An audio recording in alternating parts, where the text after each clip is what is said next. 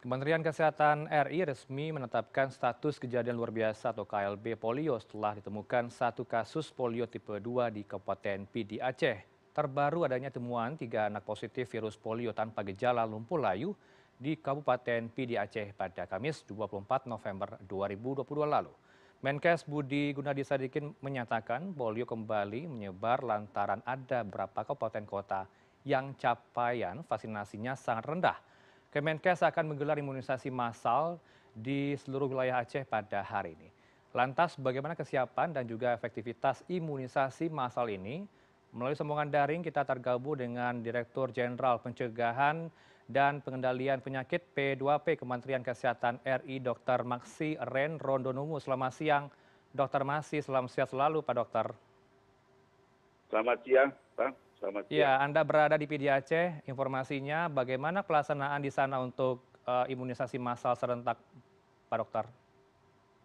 Ya, saya kebetulan ada di langsung ada di PD. Jadi memang hari ini kita melakukan supin hmm. uh, untuk uh, Kabupaten PD hmm. dan tadi sudah dilakukan pencanangan di lapangan di PD dan hadir langsung itu uh, bupati dan uh, forum komunikasi pimpinan daerah dan jajarannya. Hmm. Tadi seribu anak kebetulan itu anak-anak uh, di bawah uh, 12 tahun dan masuk dalam kelompok apa uh, organisasi yang pencaksilat. Jadi ini sekaligus mereka sebagai agent of change. Hmm. Dan pelaksanaannya tadi juga saya berkunjung ke sekolah. Kesiapan di khususnya di Kabupaten Pidi sangat baik, uh, dikoordinir dengan baik, dan mudah-mudahan sepekan ini selesai 95 persen dari target kurang lebih 9.600 uh, sasaran anak-anak bisa divaksin polio. 9.600 eh, ini di Indonesia atau hanya di Aceh, ya. Pak Dokter? Enggak, khusus Kabupaten Pidi. Khususnya di Kabupaten Pidi. Kalau Anda katakan ada 1.000 anak targetnya, Eh, tadi rekan kami juga melaporkan Desember juga ada tahap kedua ya Pak uh, Maksi. Tapi ya. kalau berbicara soal pro kontra di masyarakat, apakah Anda masih melihat ada uh, penolakan dari warga setempat untuk divaksinasi massal anaknya untuk polio ini? Ya, kalau di lapangan sudah pasti ada, ada hmm. masih ada pemahaman-pemahaman uh, dari masyarakat yang uh, mungkin belum tahu karena survei kami dari 30 ya rumah tangga memang nomor satu lebih banyak itu pemahaman pemahaman ibu-ibu terutama untuk uh, terjadinya kejadian ikutan pasca imunisasi itu yang dikhawatirkan. Hmm.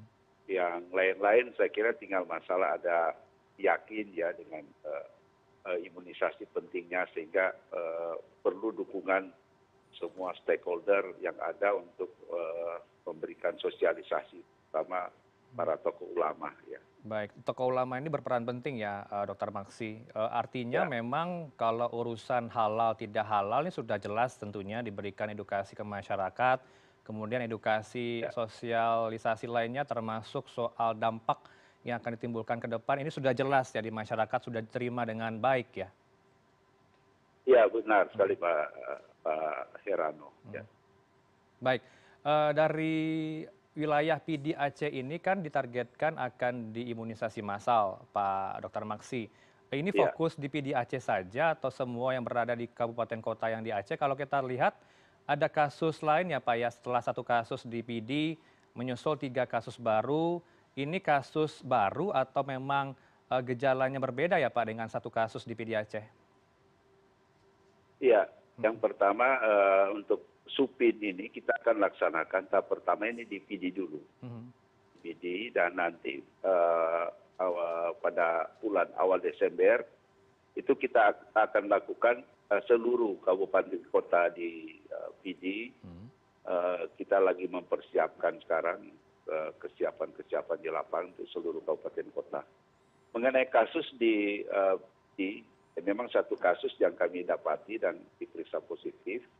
Ada tambahan tiga, tiga kasus tetapi uh, memang dari uh, kasus yang kami telusuri lewat surveillance dan pemeriksaan laboratorium itu positif, tapi anaknya itu tidak uh, ada gejala. Sampai saat ini belum ada gejala.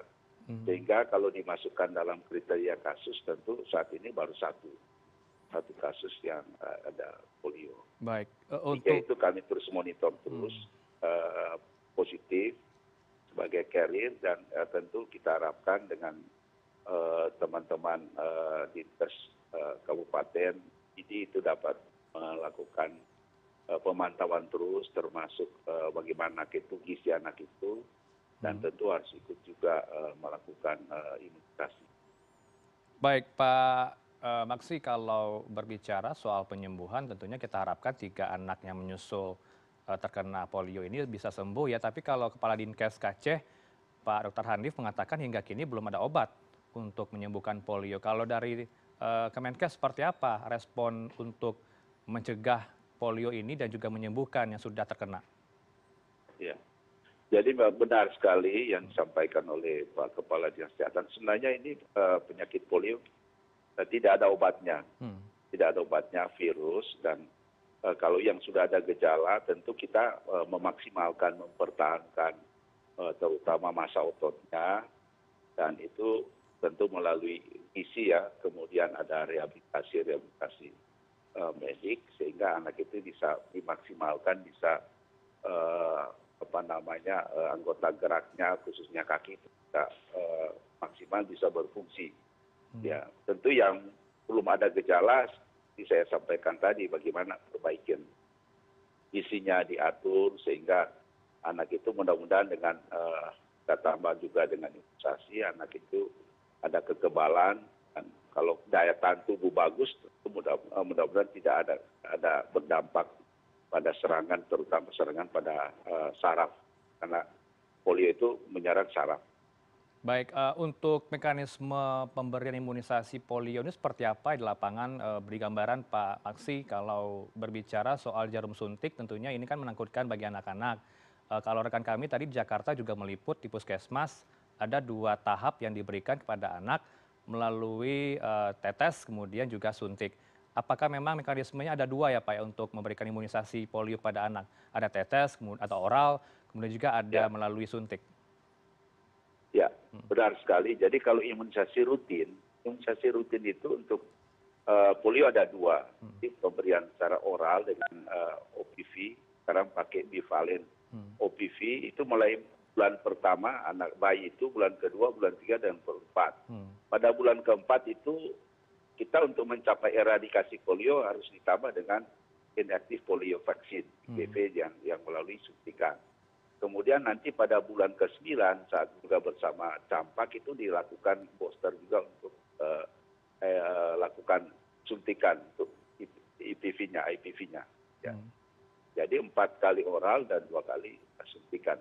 Tapi hmm. untuk supin ini kita uh, semua lakukan melalui uh, oral polio Eh, vaksin dengan eh, apa eh, apa novel OPV dan dua kali dua putaran sambil imunisasi rutin tetap jalan imunisasi rutin tetap jalan Baik, uh, Pak Maksi, ini kan teman-teman di Kementerian Kesehatan berupaya penuh ya untuk mencegah uh, polio dengan cara imunisasi, termasuk juga kalau saya kutip ya dari langkah yang dilakukan oleh Kemenkes, WHO, UNICEF adalah tindakan penting melakukan pelacakan mencari kasus lumpuh layu di lainnya di tempat tinggal kasus pengambilan sampel juga diberikan. Apakah ini juga dilakukan hingga kini kalau kita uh, berkaca dari kasus Aceh sudah ada empat hingga tanggal 25 November. Apakah pelacakan masih berlangsung hingga kini uh, pengambilan sampel dari feses yang terkena polio?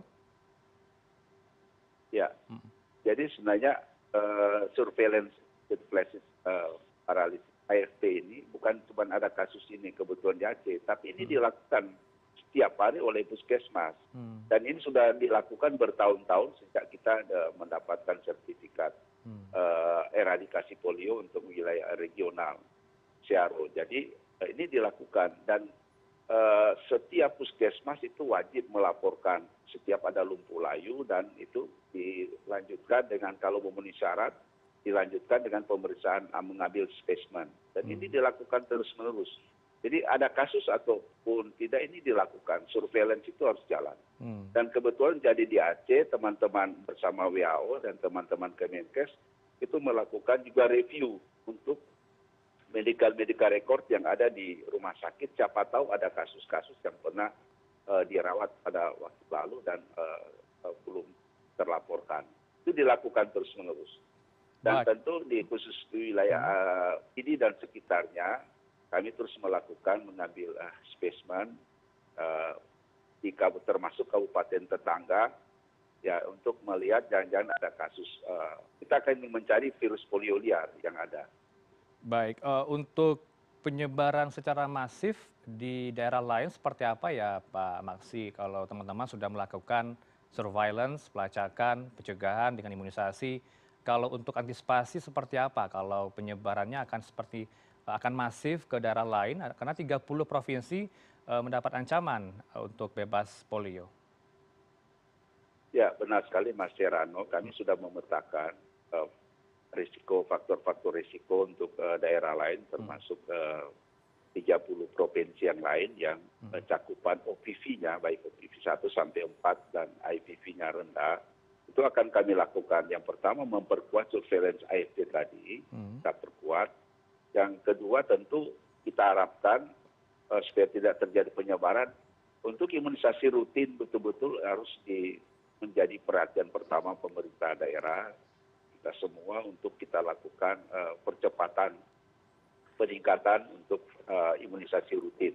Imunisasi sedasar lengkap kita lakukan genjot.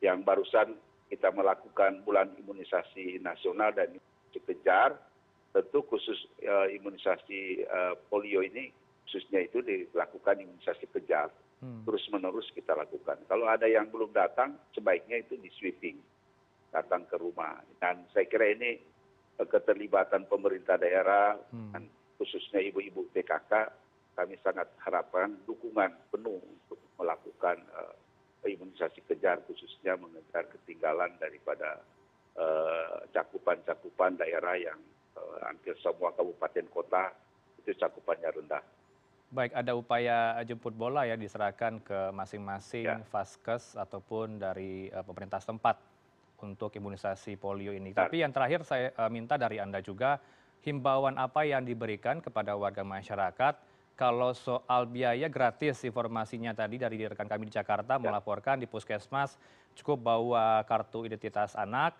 kartu keluarga ktp dan sebagainya. Tinggal datang saja ke posyandu. Apa seperti itu ya pak maksi karena kemudahan sudah diberikan tinggal niat baik saja untuk anak ke depan sehat selalu. Begitu ya? Ya betul sekali pak herano. Jadi saya tentu harapkan terutama ibu ibu untuk ya punya kewajiban lah untuk membawa anak anaknya supaya anak itu diimunisasi dasar lengkap. Mulai dari bayi nanti kemudian ada ya imunisasi lanjutan di sekolah baik kita dukung upaya dari anda teman teman lapangan agar dari imunisasi nasional ataupun imunisasi yang berada di aceh bisa digelar secara efektif ya pak ya. Ada dua tahap sampai desember mendatang. Teman kami juga melaporkan soal itu. Seribu anak targetnya pada hari ini. Terima kasih dr maksi ren rondonuwu bersama kami di cnn indonesia news hour. Selamat siang. Assalamualaikum dokter. Terima kasih Kirano dukungannya. Terima kasih